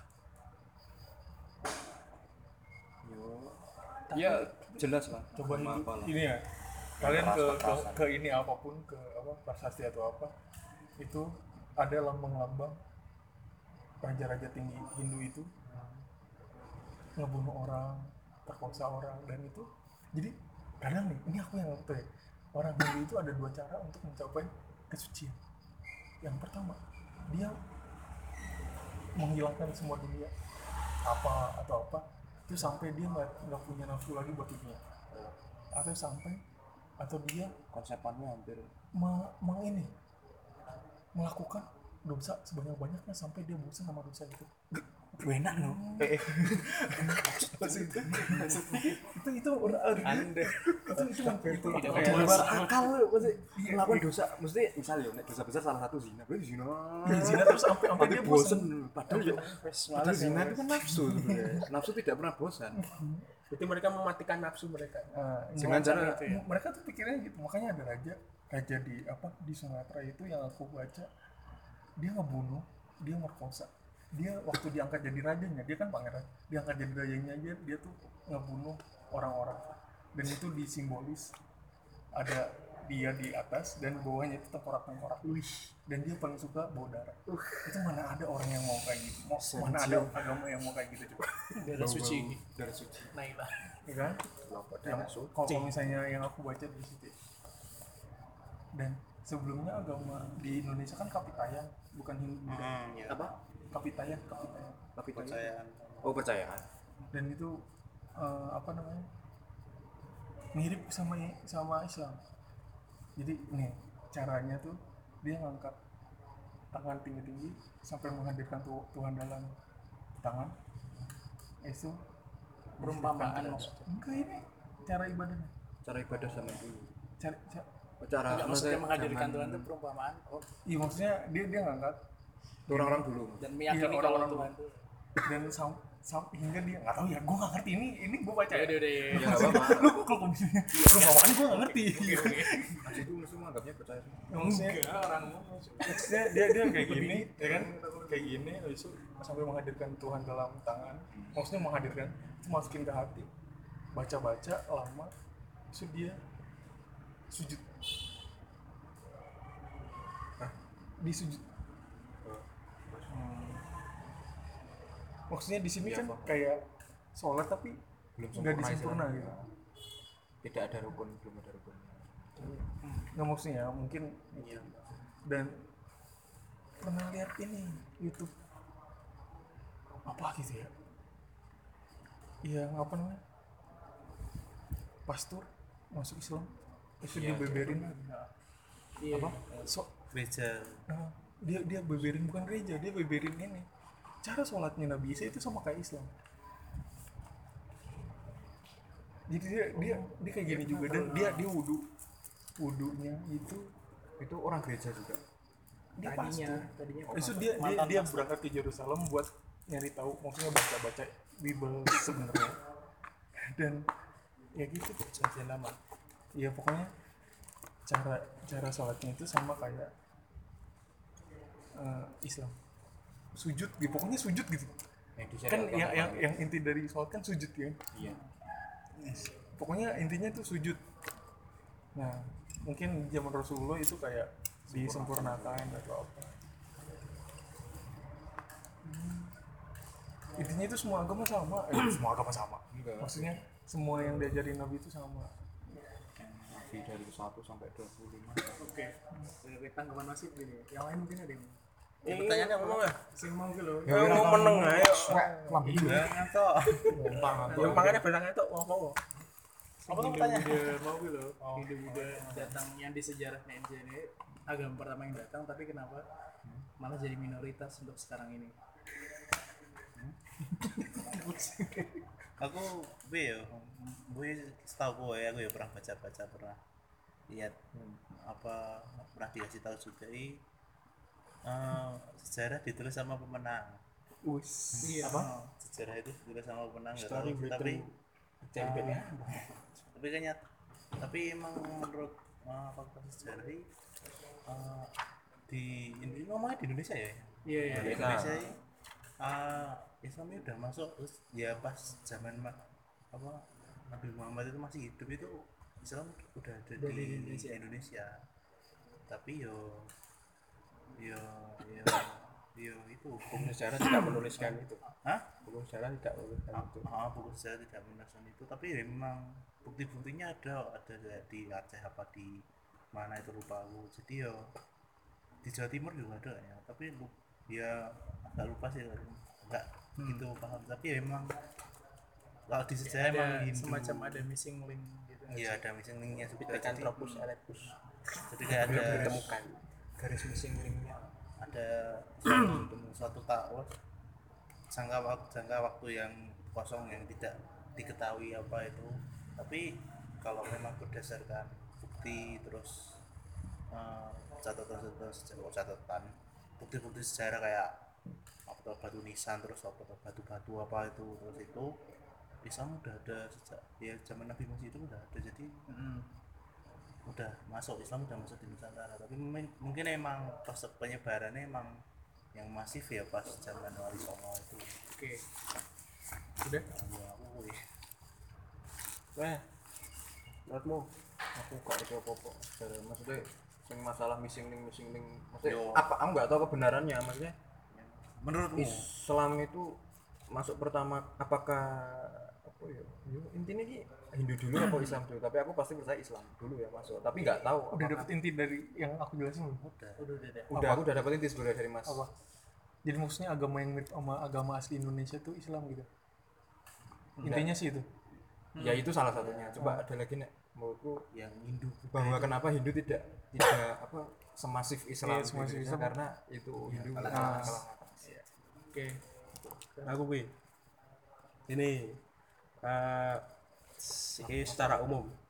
Eh, suatu kaum kaum ya kaum suatu atau suatu agama itu kalau masuk yang dimenangkan oleh peperangan peperangan ya itu tidak akan bertahan lama. Itu. contohnya adalah Spanyol. Spanyol Cordoba. Cordoba. Itu kan dulunya kan? Islam. No no belum. Oh Islam. Nah Kristen Nasrani gitu kan dimenangkan oleh Islam lewat peperangan. Peperangan kan terus akhirnya berubahlah Cordoba Islam. itu menjadi Ya Cordoba Islam. Itu tapi hanya berlangsung sementara. sementara. Karena akibat dari perang itu timbul rasa ingin membalas balas dendam. Berarti kan kaum kaum yang tersingkirkan pada eh, awal perang itu membalas. Untuk balas. Nah, menurut balas akhirnya menang lagi menang Direbut. lagi di Cordoba terus pindah lagi agamanya menjadi Nasrani. Kan bingung kan? Jadi wes ini Nasrani terus Islam. perang kalah jadi Islam terus jadi Nasrani Islam kalah, bingung. Itulah mengapa eh, Islam di Indonesia lebih berkembang daripada agama-agama lainnya. Karena Hindu dan Buddha itu kan kerajaan. Kerajaan ya. Kerajaan tapi eh, fokusnya itu hanya perang perang perang. eh, nambah kekuasaan nambah kekuasaan kekuasaan nambah kekuasaan itu bukan dengan cara baik-baik gitu loh. Kan mereka kan seperti terdesak gitu loh. Terus kenapa kok yang Nasrani itu juga nggak eh, kurang tinggi? Karena sama aja kan mereka dari penjajah dari Portugis dari Spanyol misionaris kan. Itu kan mereka juga istilahnya yo aku hantam kan iya secara anu. Tapi kalau Islam pertama kali masuk apa kira-kira? Perdagangan. Perdagangan kan? Perdagangan terus eh, ilmu-ilmu ilmuwan kayak gitu kan. Ilmuwan-ilmuwan terutama. Nah, kan keilmuan keilmuan. Tasawuf kan seperti itu. Itulah mengapa dan apa kan orang-orang yang terkalahkan ini itu kan ter- terkalahkan. Otomatis putus asa. Terus Islam masuk. Islam masuk mereka terima cocok bener kata tadi eh, Mas Ibrahim tadi bener eh, hidup budaya menyentuh ke kalangan bawah Oh. bawah kan itu kan bahkan banyak banget nggak seperti kalangan atas kalangan kan. atas kan cuma sedikit. sedikit lah. bisa Iya, bisa oh. dikalahin sama yang di bawah kan itulah mengapa Islam lebih menurut saya lebih berkembang daripada agama lain. karena lewat cara damai Kalau sejarah mengatakan bahwa eh, apa pun sih yang dimenangkan oleh perang itu nggak akan bertahan lama. Betul. Damai. Yang Cordoba pernah kayak gitu. Cordoba. Oh emang. Cordoba kan pernah. Jadi dulu itu istilahnya kayak ya kayak Konstantinopel lah. Konstantinopel kan udah di Al-Fatih menang itu cuma berapa tahun terus hilang lagi kan? Iya enggak sih? Iya enggak Iya, emang terus iya, emang iya, terus cek kalau sama kaum yang kalah yang Nasrani yang udah membalas Islam di Cordoba itu itu nganggap peristiwa direbutnya Cordoba sama tang, tang- di tangan Muslim itu Spanish Inquisition. Jadi kayak kayak istilahnya di ora cerita. Jadi kayak penjajahan Spanyol di Spanyol di Cordoba itu kayak emang di Cordoba kan disentuh Islam. Nah itu pada saat itu emang masuk zaman kemasan loh zaman zaman yang kemasan kemasan ilmuwan itu. Nah di situ itu kayak di Cordoba itu malah lebih ke cahaya bagi Eropa. Cahaya pusat cahaya pusat ilmu di Eropa. Jadi mungkin dari situ tapi dari bang- kaum-kaum yang kalah ini mau yang berhasil membalas itu malah memutar balikan fakta yang memang yang aku udah sampaikan tadi yang sejarah ditulis sama yang seorang sama pemenang itu memang memang benar ada tapi enggak enggak aku enggak ini. Ini sejarah emang emang di, di, ditulis sama pemenang tapi ada ada apa namanya? Ada suatu ada kejadian-kejadian itu yang masih ngebekas di otak itu iya. Maksud contohnya? Contoh di Tel Aviv pernah ada pembantaian orang Jerman ngebunuh Yahudi sama Palestina. Pembantaian orang oh, orang Eh, Jerman. orang Jerman orang. Jerman ya tapi sekarang kayak di, di diputar balik jadi kayak Palestina itu membantu Yahudi atau Yahudi membantu Palestina gitu nanti sih? Kayak ngerti nggak? Iya maksudnya masih ada fakta-fakta itu yang masih keinget sama orang-orang. Soalnya trauma itu pasti keinget terus gitu. Mau itu siapa apa-apanya trauma terus. Ya tapi anu, nah Cordoba ini. Iya. Ya Cordoba itu tadi kan zamannya yang di film-film itu kayak assassin assassin itu kok kan. kalau nggak salah Islam itu perang kalau misalnya kaum bawahnya tertindas. Nggak tahu. Nggak tahu.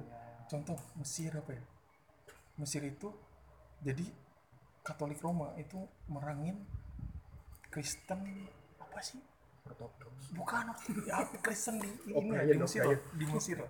Nah itu umat Muslim itu ngebantu Kristen itu. Nah makanya ketika zaman sekarang itu Paus Roma Katolik Roma pengen kami ini menyelamatkanmu dari Islam. Mereka bilang apa kami lebih baik tinggal di sama Islam daripada sama kau gitu ngerti sih? Kaunya sama Vatikan. Vatikan gitu. Karena Muslim itu ya emang nggak ini. Ini nggak? Yahudi itu sebelum Palestina Israel itu hidup di bawah negara Islam paling aman tuh di negara, di negara Islam.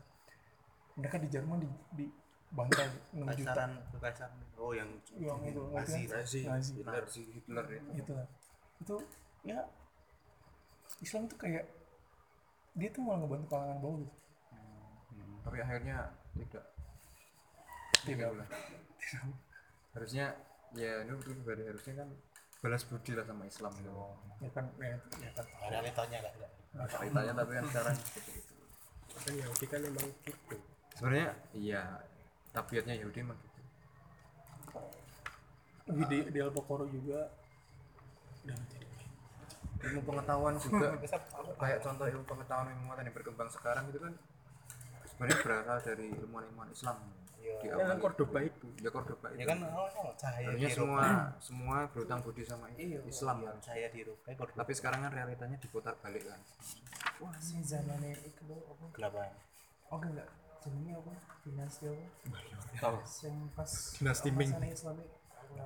Turki anu, Utsmani. ada Utsmaniyah ah iya Persia Utsmani Heeh, kayak gitu Ottoman itu itu cuma banyak buku yang bilang Turki Utsmani itu hancur loh. Oh ya Usman kan Turki Utsmani kan berakhir 1924 itu. Ya, itu hancur itu masa-masa mundur maksudnya itu Goro-goro banyak banyak anu. banyak sejarawan yang yang bilang Turki Utsmani itu hancur lah. Ininya korup lah atau apalah gitu gitu sih tapi aku nggak tahu kalau itu hancur apa. Soalnya berawal dari Kemal Kemal Atatürk. Atatürk itu loh presiden Turki yang dulu. Edorgan bisa nggak lagi gak paham aku. Saya gak paham.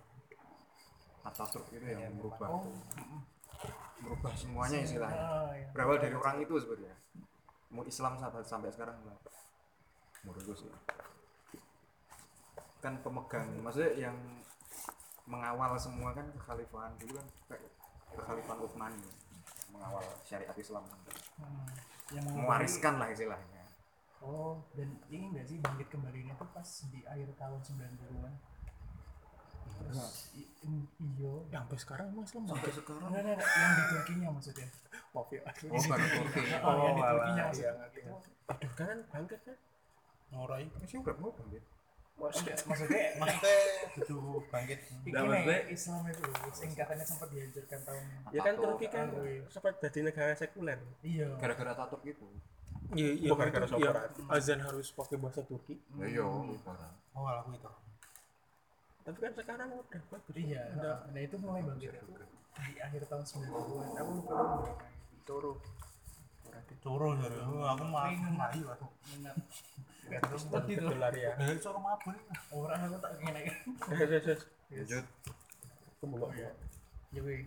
Berarti aku tadi nangkep jawaban dari teman-teman dan yang dijelas sebenarnya aku dapat jawaban dari Mas Andi itu ya hampir mirip lah dengan yang ya itu tadi kenapa Hindu mungkin tadi menyambung jawaban dari Mas Iqbal kan yang kenapa Hindu itu susah untuk merakyat itu karena dia hanya ditunjukkan ke kalangan-kalangan atas yang notabene jumlahnya lebih kecil daripada rakyat biasa kayak gitu itu satu yang kedua yaitu tadi mungkin dari eh, Islam sendiri kan Nabi Muhammad hidup itu dari 500 itu 571 ya 571 Sedone iki Masih dan sedone 600 kan berarti kali aku. Ini Iya, 500 600-an. enam Benar, 600-an. Kan Enam- Sedone 571 600. tambahin 63 tahun. tiga Udah 600. Ya, 600-an ya, sekian, lah, 630. Empat tahun. Nah, itu. Dan yang tadi dibilangin kalau ya tuh ya eh, yang Islam itu udah masuk ke Indonesia tuh benar-benar pas zamannya Nabi Muhammad. Kan kalau dilihat sejarah itu eh, ini enggak sih jaraknya jauh banget ya sih? Hmm. ketika Hindu Buddha itu masuk di tahun 1000 berapa? Eh udah seribu Ratusan, well, tapi tapi jaraknya tuh jauh jadi semenjak Nabi Muhammad meninggal gitu loh.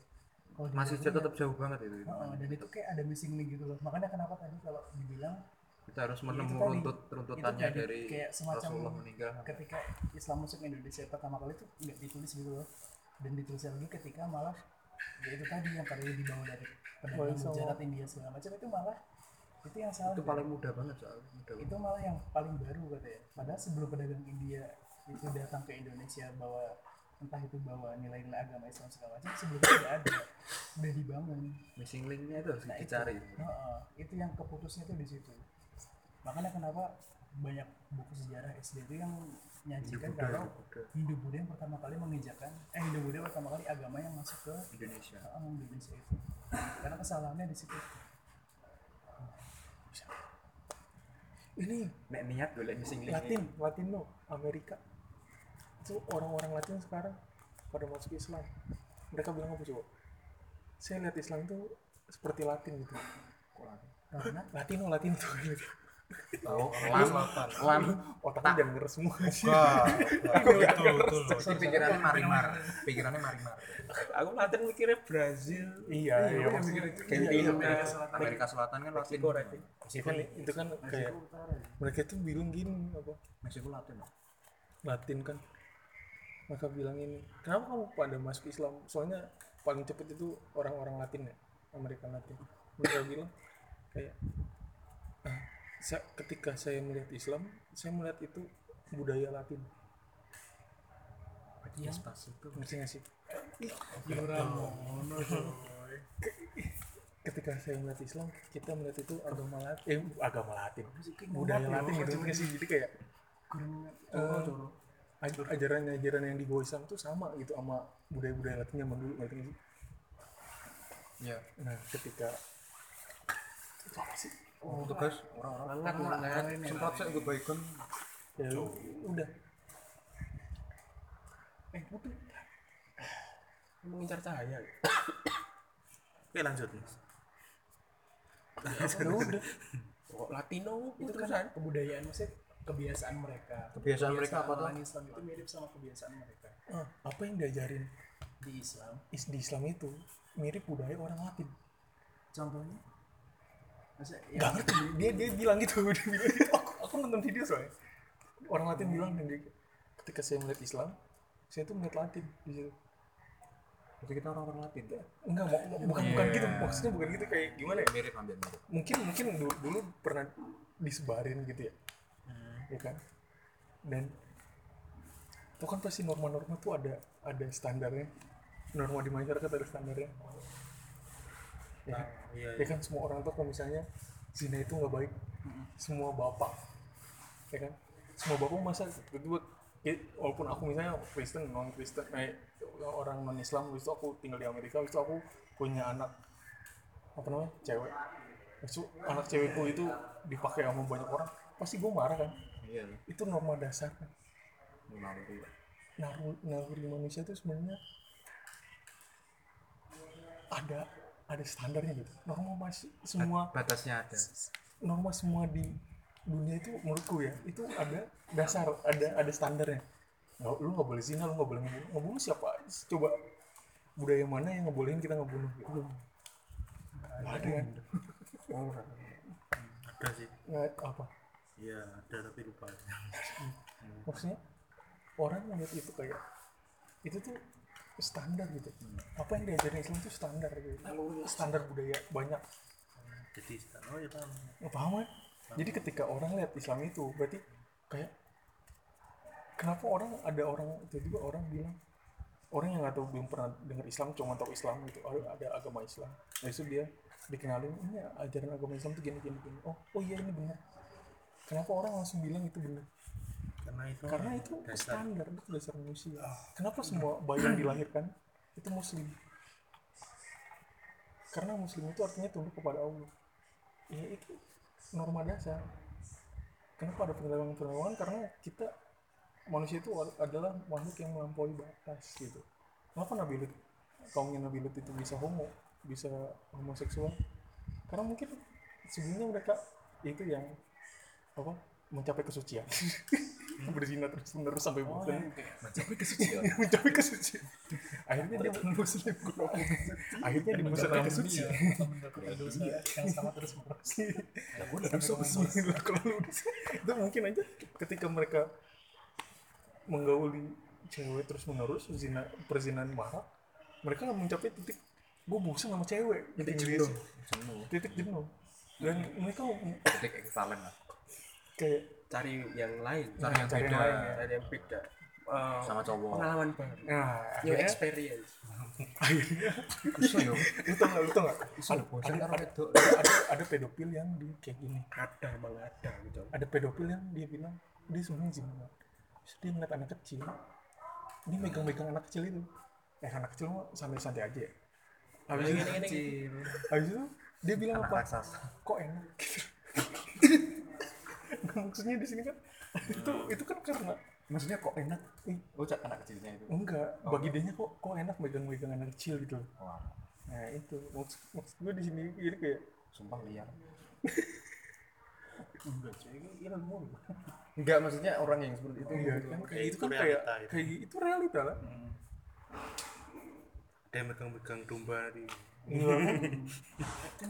gila lo berzina sampai dengan bersetubuh dengan ayam bersetubuh dengan kambing. ada ada ada videonya aja anjing soalnya maksud, maksud gue di situ kan kayak cepet sidik kopi nah ini juga. Kenapa di Quran tuh ada poligami? Karena yang paling tahu manusia kan Allah. Allah tahu kok kita nggak bakal puas ya kan? Iya. Bukan untuk membenarkan poligami tapi untuk mencari solusi lain agar lo nggak zina gitu. Kenapa Allah ngasih tau ini ada ada ada yang dia jadi apa namanya bukan ateis. Agnostik. Agnostik. Gara-gara dia dapetin ayat di Quran yang tes yang cupu. Bersetubuh. tidak bersetubuhlah kamu dengan istrimu atau hamba sahaya. Tidak itu nah di sini kan maksudnya kok boleh dia bersetubuh sama hamba saya dia bilang gitu kan. Nah itu ya Allah tahu kita gitu. ya mungkin aja kita sama istri kita nggak puas gitu kan maksudnya. Allah tahu kita kita tuh nggak nggak akan puas sama apa yang kita miliki. Manusia tuh nggak bakal puas. Dan pengen mintanya lebih ya nggak sih? Iya. Tabiat manusia Iya, emang seperti itu. tabiat manusia kayak gitu. Maksudnya ya jadi akhirnya Allah tuh ngasih solusi lain gitu. Lu boleh poligami maksimal empat tapi aku kasih tahu kau kau nggak bakal adil sama empat empat itu? Berat loh konsekuensi Iya poligami kan? itu sebenarnya. Allah ngasih itu biar biar kalau mak- kamu sanggup ya oke. Iya oke. Maksudnya Enggak, ya udah. di sini sol- solusi ini tuh untuk menghapuskan zina gitu. Daripada lu zina lu mending kayak gini gitu kan. Iya. tapi jangan dibuat Iya, Iya. ja- jangan dibuat itu sebuah untuk- sunnah atau kewajiban gitu. Enggak kayak gitu juga. jangan kamu potong cuma bagian boleh empat Nah, terusannya kan ada ada. jika kan itu tidak adil mampu tidak adil tadi Nah, itu. makanya Allah suka orang-orang yang bersyukur. Nah, Coba ada yang pernah baca ini? Ini pengen materi yang pengen aku sampaikan. ya. kalian guys kalian Surat Yusuf. penutup Surat Yusuf, surat Yusuf. Oh, Surat Yusuf. double Yusuf double Enggak, guys enggak, Surat Yusuf. Nanya ya Udah baca arti surat Yusuf. Ini aku udah kasih tahu surat apa? Yusuf Yusuf. Aku udah aku udah sampein ke kalian belum sih? Apa? Minggu kemarin? apa? Surat Yusuf belum. ya? belum belum. Baca surat Yusuf. Di sini satu surat full itu buat kisah Nabi Yusuf. Ya nggak? Dibanding nabi-nabi yang lain? Nabi yang lain kan di ah, ini ada di itu ada di ini ada itu Yusuf. Tapi di surat Yusuf itu full Nabi Yusuf. Soalnya Cerita. nah cerita full, full Yusuf cerita Nabi Yusuf. Ya kan? Yusuf dan melakukan godaan. Ya kan? Yusuf di penjara. Ini udah pada dengar semua ya pasti ya? Udah. Udah kan? Dakwah Nabi Yusuf dalam penjara tapi mimpi raja. Itu kan sampai Nabi Yusuf Nabi Yusuf dibebaskan. uji sampai sampai Nabi Yusuf sukses juga kan? Dikasih tahta. Nah dikasih tahta gitu maksudnya sampai Nabi Yusuf. Eh, temuan Nabi Yusuf dengan saudaranya kelak. Diuji sama apa ya banyak hal lah. Ratu Zulkaidah. Pertemuan Nabi Yusuf dengan kedua orang tua. Doa Nabi Yusuf. Akhirnya Zulkaidah ada. jadi istrinya kan? Itu itu full Nabi Yusuf. Oh, iya enggak kenapa? kenapa coba Nabi Yusuf apa eh, kenapa Allah pengen ngasih tahu kisah Nabi Yusuf sama kita? Karena ini yang sering dilupain sama orang-orang. Coba lu lihat nih. Semuanya tahu kisah Nabi Yusuf kan? Tahu. Kecil udah dijanjiin sama Allah jadi nabi. Ya kan?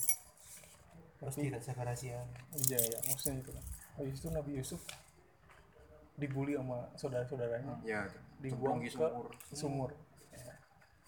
Nah di sini coba anak kecil, ya kan, jauh dari orang tua, lu kalau jadi anak kecil kayak gimana? iya bingung. bingung. Udah nangis, gue ngomong, gue udah gitu. Nah, itu dia diangkat, maksudnya diambil dari sumur itu, dia tuh nggak dibalikin ke orang tuanya. Tahu apa yang dilakuin sama karavan, karavan yang apa? iya Itu pulang itu. nyembunyiin Nabi Yusuf di dagangannya ditutup. Soalnya ya itu kan sumur. Pasti Nabi Yusuf nggak tinggalnya nggak jauh dari situ kan? Jadi bisa aja kalau misalnya karavan itu baik itu dia angkat Nabi Yusuf waktu ke kampung sebelah ini ada anak hilang gitu. Tapi ini enggak dia dibawa jadi budak. Dijual jadi budak. Pertama diituin sama ayah sama orang tua. Terus yang kedua dijadiin budak. Ya kan? alhamdulillahnya dia dijadiin budak sama petinggi-petinggi Mesir. Nah, di situ Nabi Yusuf ya pokoknya eh, you know lah budak lah ya. Disuruh-suruh apa dia apa apa ya kan?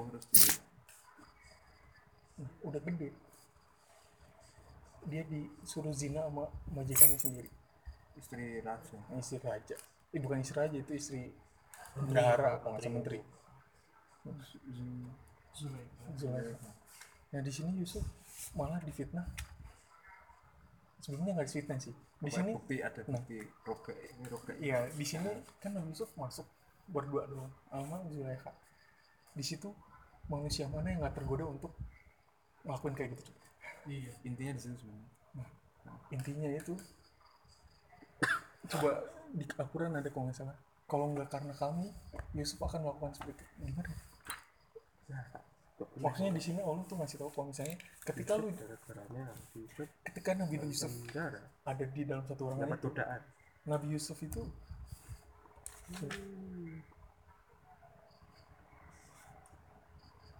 lomba-lomba kalau dia hmm. ayat berapa ini?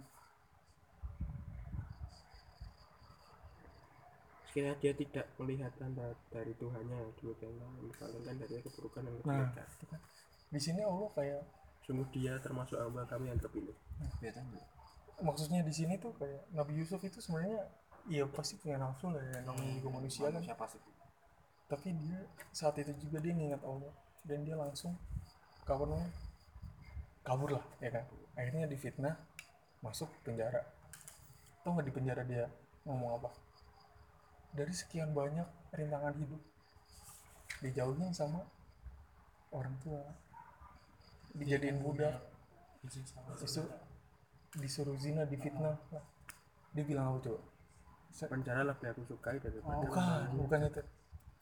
Itu adalah karunia dari Allah.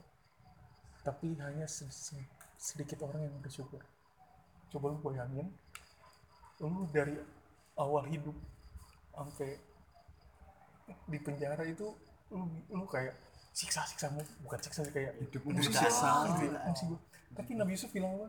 Itu adalah karunia dari Allah dan hanya sebagian kecil dari manusia yang bersyukur.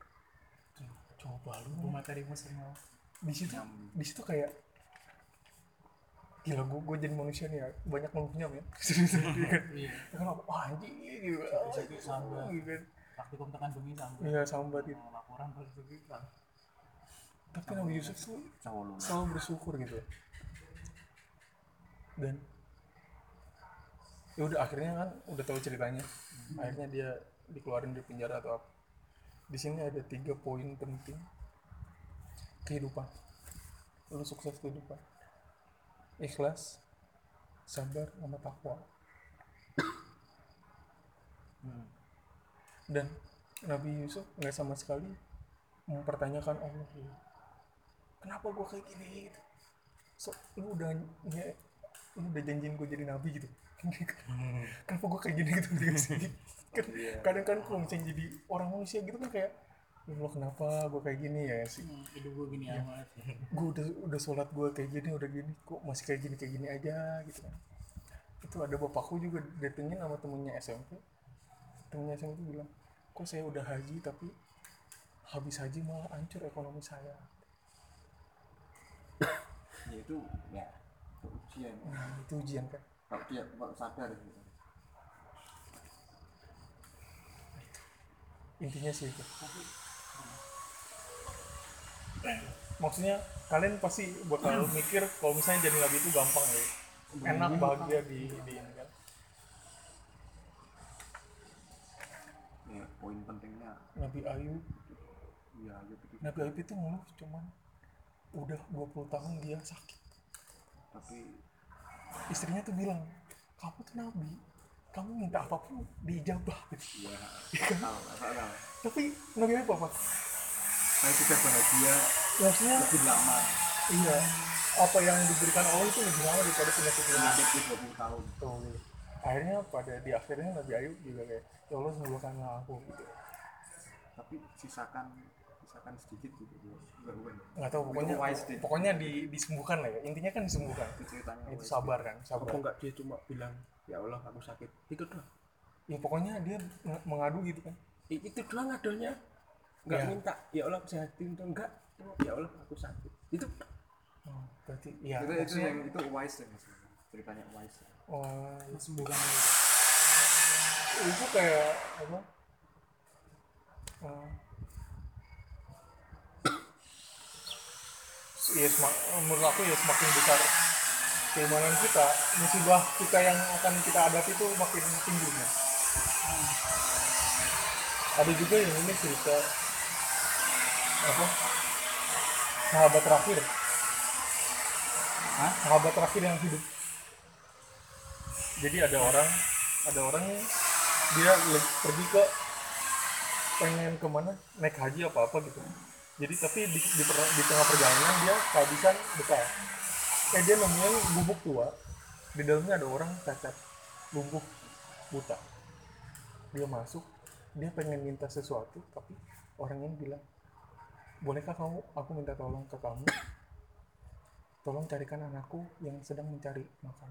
Sudah tiga hari dia tidak kembali. kembali. Akhirnya orang ini nyari. Nyari orang. Nyari anaknya. Eh totonya dimakan singa.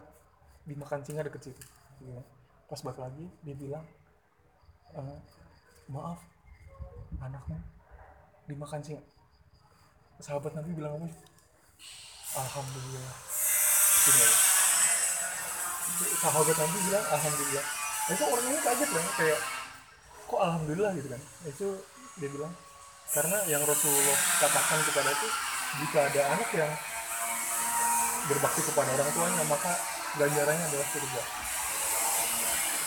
Maka aku yakin anakku bakal masuk surga. Itu nih sih? Karena Nabi Muhammad SAW pernah bilang itu kepadaku nah tiga detik kemudian dia meninggal. Habis itu ada ada lagi orang datang terus bilang apakah ini? Oh ini adalah sahabat Nabi paling siapa deh aku lupa namanya. Yes kami mencari dia sudah bertahun-tahun lamanya buat jadiin khalifah gitu maksudnya. Jadiin pemimpin. Tapi dia malah kabur gitu. Malah kabur nggak mau jadi itu jadi kayak kadang kita tuh kurang syukur mas podcast ini saya bagus. Kadang kita tuh kayak ya kurang syukur aja gitu. Bersyukur, bersyukur tuh bukan kayak apa namanya Menerima- bukan hanya sekedar menerima Iya, keadaan. bukan kayak gitu. Ini sholat ini sholat tuh buat apa tuh? Ini sholat buat apa? Buat ibadah? Iya sholat ibadah tapi ini sholat tuh buat apa Tahu nggak Nabi Muhammad itu sholat buat apa? Padahal Nabi Muhammad udah jelas-jelas masuk surga. Kenapa dia sholat? Dia pernah bilang ke Fatimah, Fatimah apa itu? Nggak tahu lupa. Dia bilang, syukur ya apakah aku nggak boleh bersyukur sebagai hamba Tuhanku? Gitu. Nabi Muhammad itu sholat untuk bersyukur. Ya, maksudnya dia udah dijamin masuk ke surga. ya kan? maksum Ya maksum. Udah dijamin apa pun sama Allah. Tapi dia tetap sholat dan itu sholatnya lama gitu kan. Dan sholatnya kakinya bengkak Ah, sampai kakinya bengkak. Itu kenapa? Karena Nabi Muhammad tuh bersyukur gitu. langsung dewe ngoco kurang suwi ya baru buka berarti aku sholatku gini ya antum levelnya belum sampai situ itu maksudnya eh, ya boleh kita kurang syukur aja sih jadi orang. Kadang kita selalu pengen lihat ke atas jadi kita takut miskin ya kan? Ya gue nih takut jujur gue habis lulus takut nggak dapet kerja. Jujur gue sumpah. Itu itu wajar normal. normal. Itu itu bukan wajar nih. Ya maksudnya normal, normal, tapi ya kan Allah memang memberikan sedikit rasa takut. Was was tapi jangan berlebihan. Iya maksudnya kita harus kembali ke rasa was was was was berbohong. Kayak gitu lah ini ceritanya kayak ini aduh aduh. Ya gue kurang syukur aja sih. Kopi. Kopi. Sebenarnya kendalanya banyak banyak orang yang gini maksudnya alhamdulillah ya aku ini doa aku ya. Itu yang penting aku nggak dapet ujian yang bisa membuat imanku hilang. Ya itu aja Hah? ngerti sih Iman. Soalnya, soalnya banyak orang di luar sana yang ketika dikasih ujian iman mereka hilang. Langsung. Kayak istrinya meninggal hartanya hilang. Langsung Coba ketika, asa. ya, ketika mereka dapat harta banyak istri cantik atau apa itu mereka bilang oh Allah sayang sama aku gitu kan. Kan enggak jangan salah. Kan enggak gitu kan. Orang-orang yang berduit itu kan belum tentu Allah sayang. Ya maksudnya di situ kan dia memperpanjang azab. Ya nggak tahu istidraj ikan nggak tahu ya maksudnya ya itu itu karunia atau karunia apa atau apa? Yang penting itu based on iman ya based on Iya. iman kita. Kalau iman kita makin kuat alhamdulillah kalau iman kita hilang astagfirullah gitu kan? Jangan sampai hilang. Ya banyak orang bisa di luar sana yang dapat musibah apa pun itu mereka langsung kayak hilang iman gitu kayak padahal iman itu kan yang paling penting ya kan? kayak ini Tuhan ini benar nggak sih gitu? Ya kita tuh langsung nyalain Tuhan gitu. Berarti sih ya sih.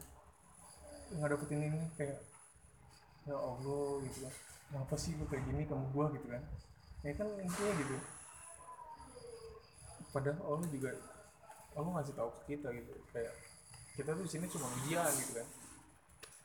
Lu mau miskin mau kaya ujungnya juga mati kan sama. Ya, ujungnya mati. Ada yang bedanya. yang dilihat itu oh ini ada cerita lagi nih. Kan yang itu kan yang Yahudi itu tadinya awalnya tuh, ahli ibadah. Ini juga ada ahli ibadah diceritain eh, hadis Nabi.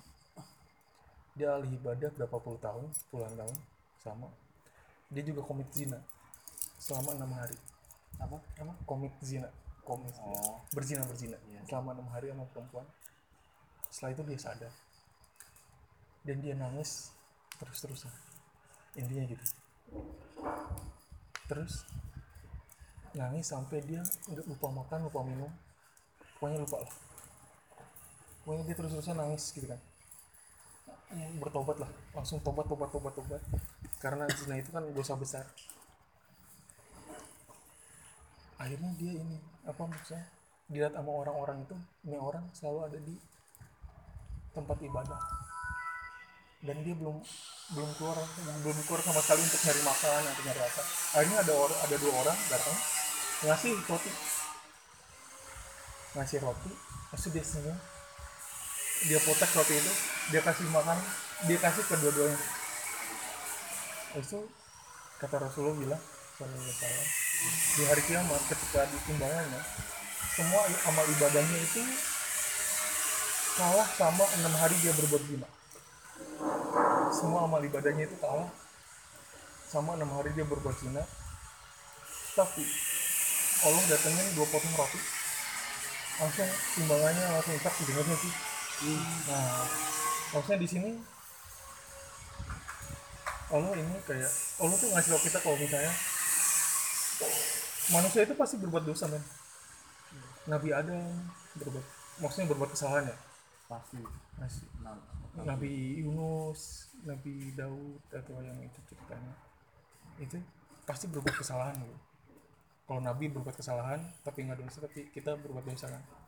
Nah yang Allah pengen ini tuh ketika kita melakukan dosa dan kita sadar itu dosa kita tuh langsung balik. Jangan kayak setan. setan tuh tau kalau mis- setan itu percaya sama Allah man iya iya mempercayai percaya. Kan? Dan ketika dia nggak mau sujud dia tahu dia salah. Tahu. Tapi dia nggak langsung bertobat bedanya manusia. Kita sama mereka itu sama setan itu dia itu nggak mau bertobat kita tuh langsung mengakui kesalahan dan langsung bertobat gitu. Nah intinya Allah ini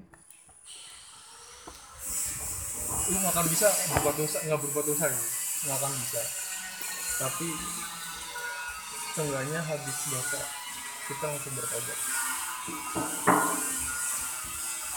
Nah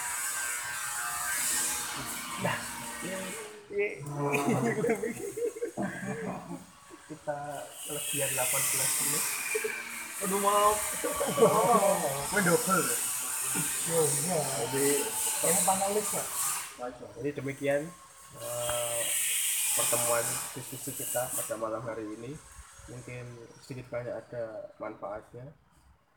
Eh, kita tutup dengan istighfar banyak-banyaknya. Astagfirullah, astagfirullah, astagfirullah, astagfirullah. Dan doa kafaratul majlis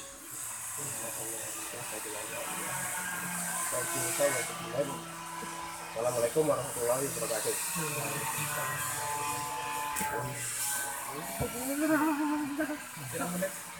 Podo coy.